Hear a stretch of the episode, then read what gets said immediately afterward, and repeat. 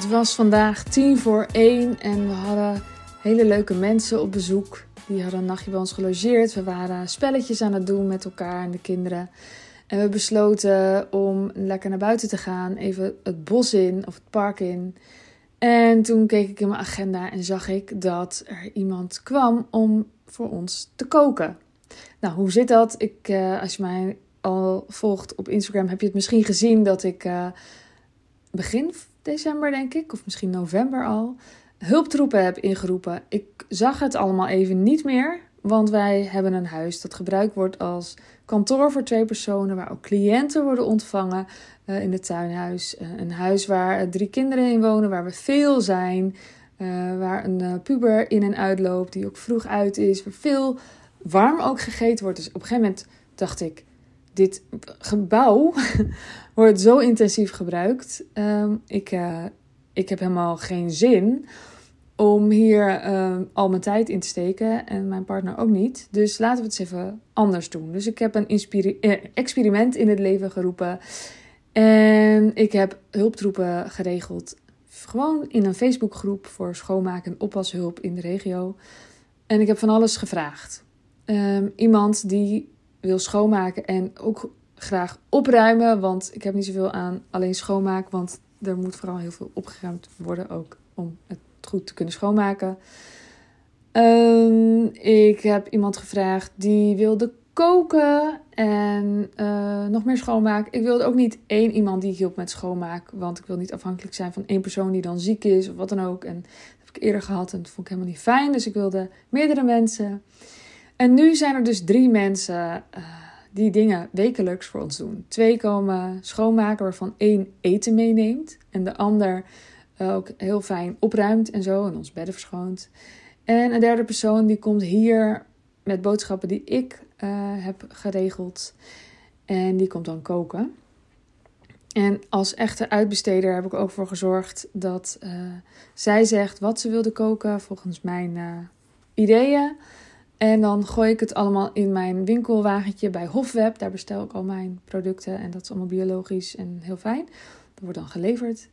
Uh, dus daar ben ik vijf minuten mee bezig. Maximaal. En dan komt ze hier en dan komt ze koken. Maar goed, dat was dus op dat moment. En ik kreeg echt een beetje een knoop in mijn maag. We wilden net naar buiten stappen. Ik had bedacht dat ik boerenkool zou maken. En morgen pasta. Ik had het allemaal wel weer op de rit. Ik was echt gewoon helemaal totaal vergeten dat ze zou komen. En ik merkte vooral een beetje schaamte. Dus ik wist, ik moet dit nu gaan zeggen. dat er iemand is die voor ons kookt. En dat vond ik stom. Dus ik zei in ieder geval: Oké, ik kom later, gaan jullie maar vast. Want uh, ik moest natuurlijk even wachten tot ze kwam.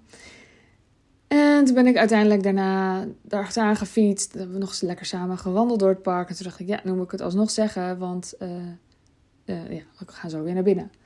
er staat iemand in ons huis te koken. Ik merk dat ik met schoonmaak, daar voel ik dan al inmiddels geen schaamte meer bij. Dat is allemaal oké. Maar dit vond ik dan wel weer zo uh, extraordinair dat ik het toch wel weer gênant vond of zo. Dus ik dacht, ik moet het zeggen. Dus ik zei, ja, we hebben een experiment. En dan kookt iemand bij ons. En toen zei ze, ja, dat vertelde Andries, mijn partner, al. Leuk. En uh, ze vond het ook echt leuk. En toen dacht ik, ja, wat zit ik hier nog dom te doen? Waarom? Ik, ben, ik schaam me helemaal niet zo snel.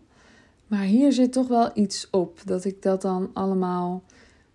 Aan de ene kant dat ik het blijkbaar niet zelf rondkrijg. En aan de andere kant dat ik... Uh, zo'n luxe poes ben die dit allemaal maar regelt en dat andere mensen dingen moeten doen dat ik zelf geen zak meer uitvoer. Um, ja, nou ja, uh, dat is dan dus zo. Maar ik vond het wel interessant dat ik dat dus. Ik merkte dat ik dat dus gênant vind. Ik had wel bedacht om hier al een keer een podcast over te maken. Ik had niet bedacht dat dit in mijn uh, persoonlijke leven ook gewoon aan uh, ja, relevant zou worden. Dat ik er iets over moest delen en zo. En ik vind het wel fascinerend, want uiteindelijk is het allemaal maar cultureel. En ik heb daar niet zo heel veel mee. Tenminste, ik kijk daar graag doorheen. En ik kijk liever naar hoe wil ik het dan en zo, los van wat normaal is. Ik vind het dus best wel bijzonder dat we het niet zo gek vinden om uit eten te gaan en andere mensen voor ons laten koken en laten bedienen. Maar dat we het wel raar vinden als er iemand bij ons kookt. En ik zeg we, omdat ik zeker weet dat ik echt niet de enige ben. Dit komt niet, van, komt niet zomaar dat ik dit een beetje uh, ja, ongemakkelijk vond. En toen dacht ik, ja, ik ga daar even een podcast over maken. Want uh, ik, uh, ik wil dat gewoon even aankaarten. Dat sowieso. Ik heb niet echt fantastische inzichten of wat dan ook. Uh, maar wel voor mezelf de les, of in ieder geval de uitdaging om dit nog meer uit te nodigen en nog meer uit te vergroten.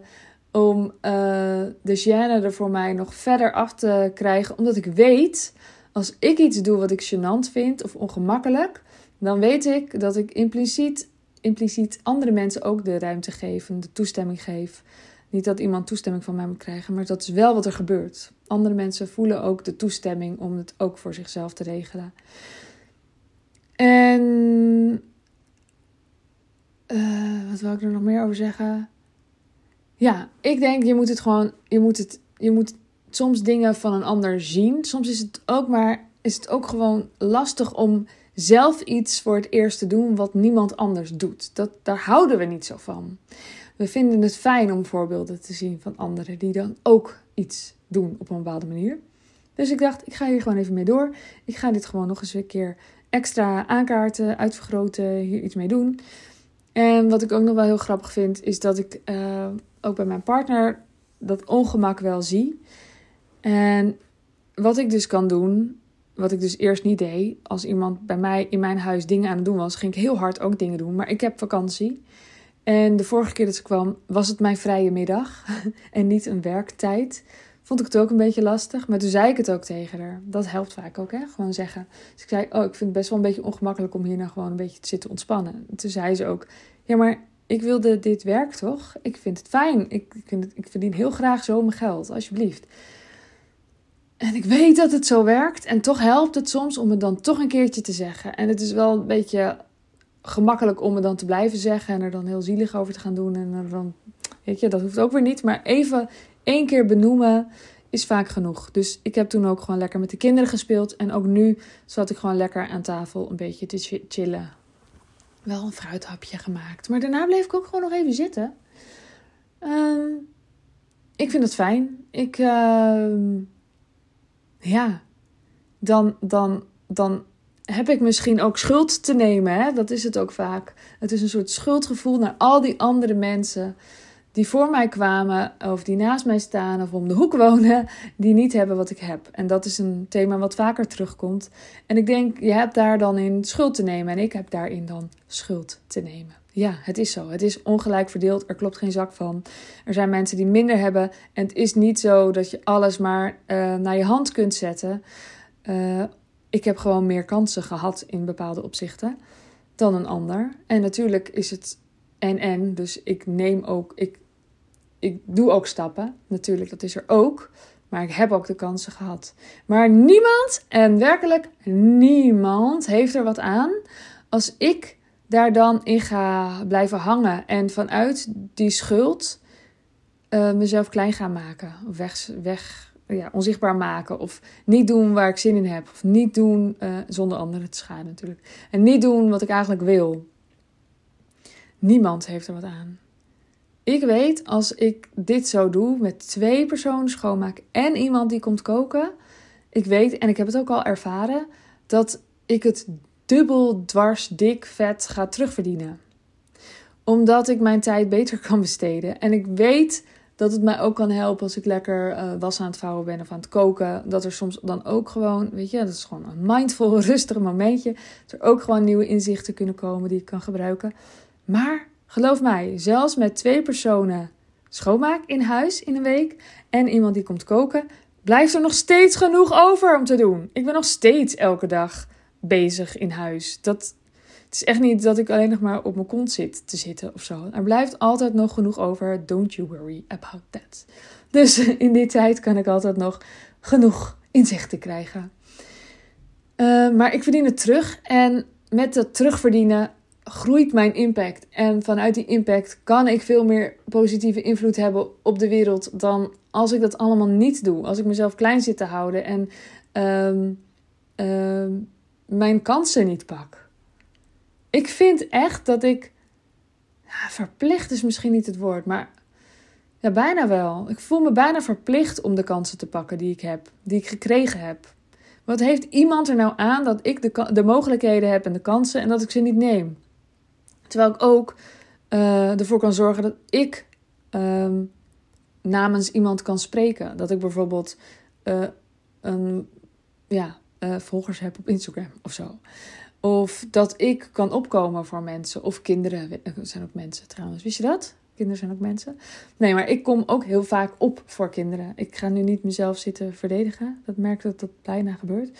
Maar voel maar eens bij jezelf. Um, ook weer iets om op te journalen. Daar heb ik het vaker over.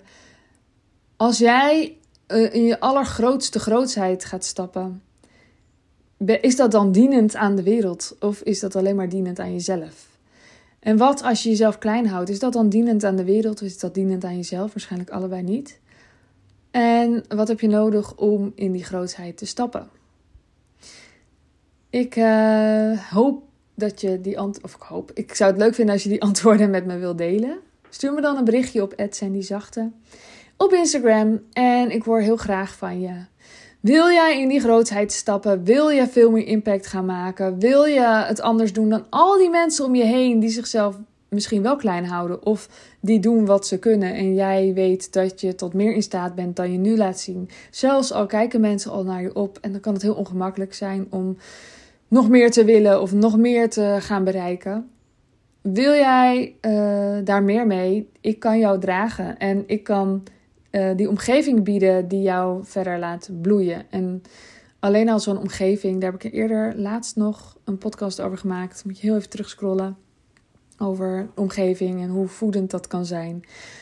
Het is essentieel om, een, om, om je ook op te trekken aan andere mensen. En om een omgeving te hebben waar mensen je groot kijken en uh, ja, cheerleaden. En waar je uitgedaagd wordt en waar je gezien wordt voor jouw werkelijke potentie. Dus mocht je dat willen, nou, neem dan contact met me op, want dan is mijn jaarprogramma Wilde Vrouw echt iets voor jou. En ik zal nog eerder, ik zal nog later, niet eerder, ik kan niet eerder nog een podcast opnemen. Dat is echt super onmogelijk. Of in een andere tijdlijn misschien, in een andere dimensie. Maar in deze dimensie kan ik hem alleen maar later opnemen. Ik zal nog eens een podcast opnemen over wat ik versta onder een wilde vrouw. Maar het heeft zeker ook met impact te maken. En echt niet alleen maar met koud douchen en uh, salie stoken. Impact en geld verdienen en jezelf laten zien en in je grootheid stappen. Wil je dat? Ik wil er voor je zijn. Neem contact met me op. Kijk op sandyzachte.nl of stuur me een berichtje op Instagram. En ik hoor heel graag van je. Nou, ik wens jou een hele fijne ochtend, middag, avond, nacht en tot de volgende keer. Doei doei!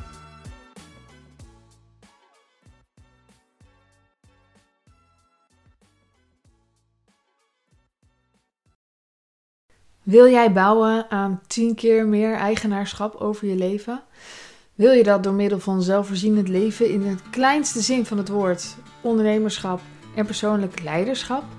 Kom dan bij Community Leven in Vrijheid, waarin een hele groep wilde mensen is die hier ook mee bezig zijn, die dit ook willen en die heel graag met je willen uitwisselen over moestuinieren, over grootse plannen, over hun eigen bedrijf opbouwen, over allerlei aspecten die allemaal samen zorgen voor een, een leven buiten de logge systemen. Ga naar wildemens.nl als je erbij wilt.